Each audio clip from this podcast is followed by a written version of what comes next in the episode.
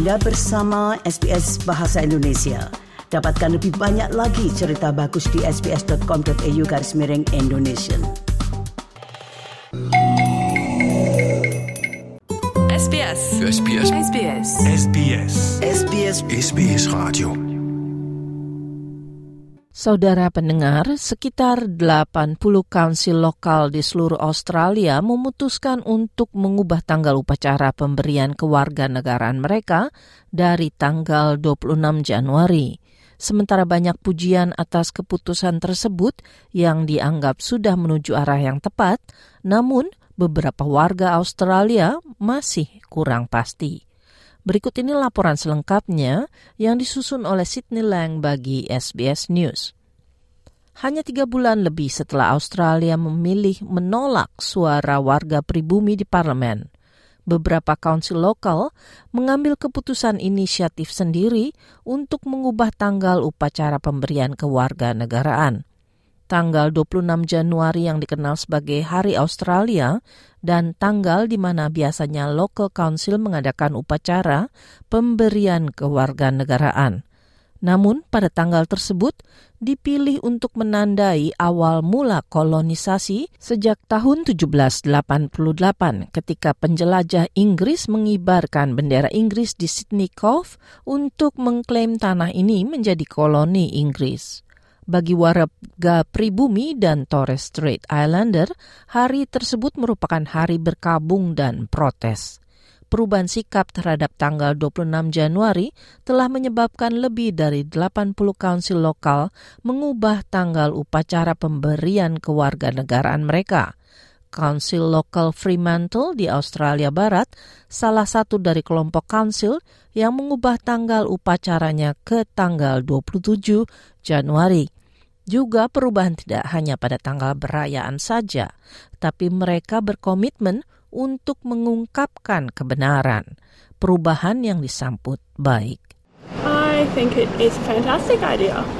Like, I think myself, I would like to learn more about it. Like, I hear bits and pieces now, and I don't particularly celebrate it or go out of my way to do anything for it. So, I think it'd be a great idea. Sementara itu di Fremantle seperti Marty Died berbicara kepada NITV, perubahan tersebut tidaklah cukup. I don't think there should be Australia Day at all. Um, the land was already taken, if so to speak, when they say Cook came and um, that's the day of Australia Day on the 26th. Well, it was already taken. We already had our people were on it, um, the Noongar people, and um, I, I'm a big believer that there should not be Australia Day at all. Yeah, so I, I think that the, the Aboriginals, if they wanted to make a day to celebrate their people, they can make up a date, but we don't have a say in it. I, I personally think. I think it's up to the to the Aboriginals. Setahun lalu, Desember 2022, pemerintahan Albanisi menghapuskan aturan yang diperkenalkan oleh pemerintahan koalisi dalam tahun 2017 yang memaksa kaunsil lokal untuk mengadakan upacara pemberian kewarganegaraan pada tanggal 26 Januari atau kemampuan mereka untuk mengadakan upacara tersebut dihilangkan. Sebagai akibatnya, dua kaunsil Melbourne, the City of Yarra, dan Darebin City kehilangan kemampuan mereka untuk mengadakan upacara, namun kemudian diberikan kembali oleh pemerintahan Albanisi. Upacara kewarganegaraan dapat diadakan dari tanggal 23 Januari hingga 29 Januari.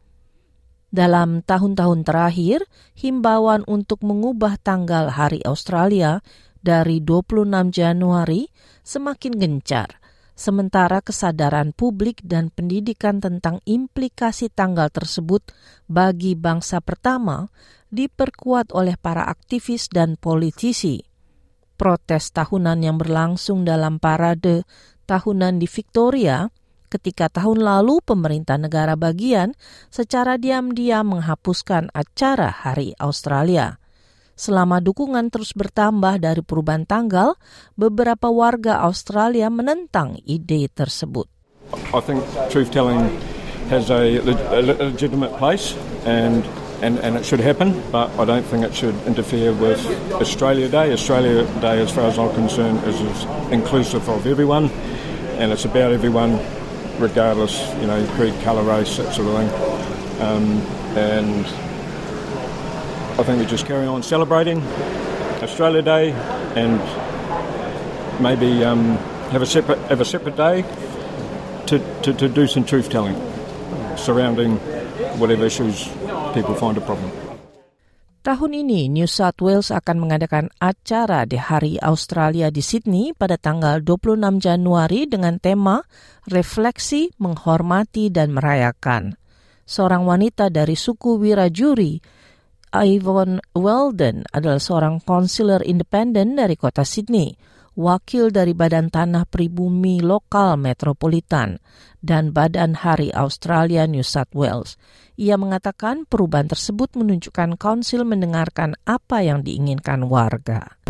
It's a reflection of how local councils are engaging with the local community, strangely enough. And um, but you know there has been um, you can become a citizen on any day uh, that is chosen in those ceremonies, and so the way I think some of the councils and the local communities are changing is about how they have engaged in a meaningful way with their local communities. Ia mengatakan apa pun keputusan masyarakat mengenai tanggal 26 Januari selalu penting untuk membicarakannya secara jujur mengenai hal tersebut. Oh, look, you know, we, we are diverse groups. We, uh, there is many ways that people will not participate in these type of events. There are people that will come to uh, an event uh, for you know the 26th of January here, and again will then leave there and go and work with and, and be with their mob as well, which is exactly what I do. Um, you know, it doesn't change uh, where we are or where we're from or who we are, but it's a matter of how do we actually walk together and start to have some of those honest conversations that haven't been held in the past. Demikian tadi laporan yang disusun oleh Sydney Lang bagi SBS News.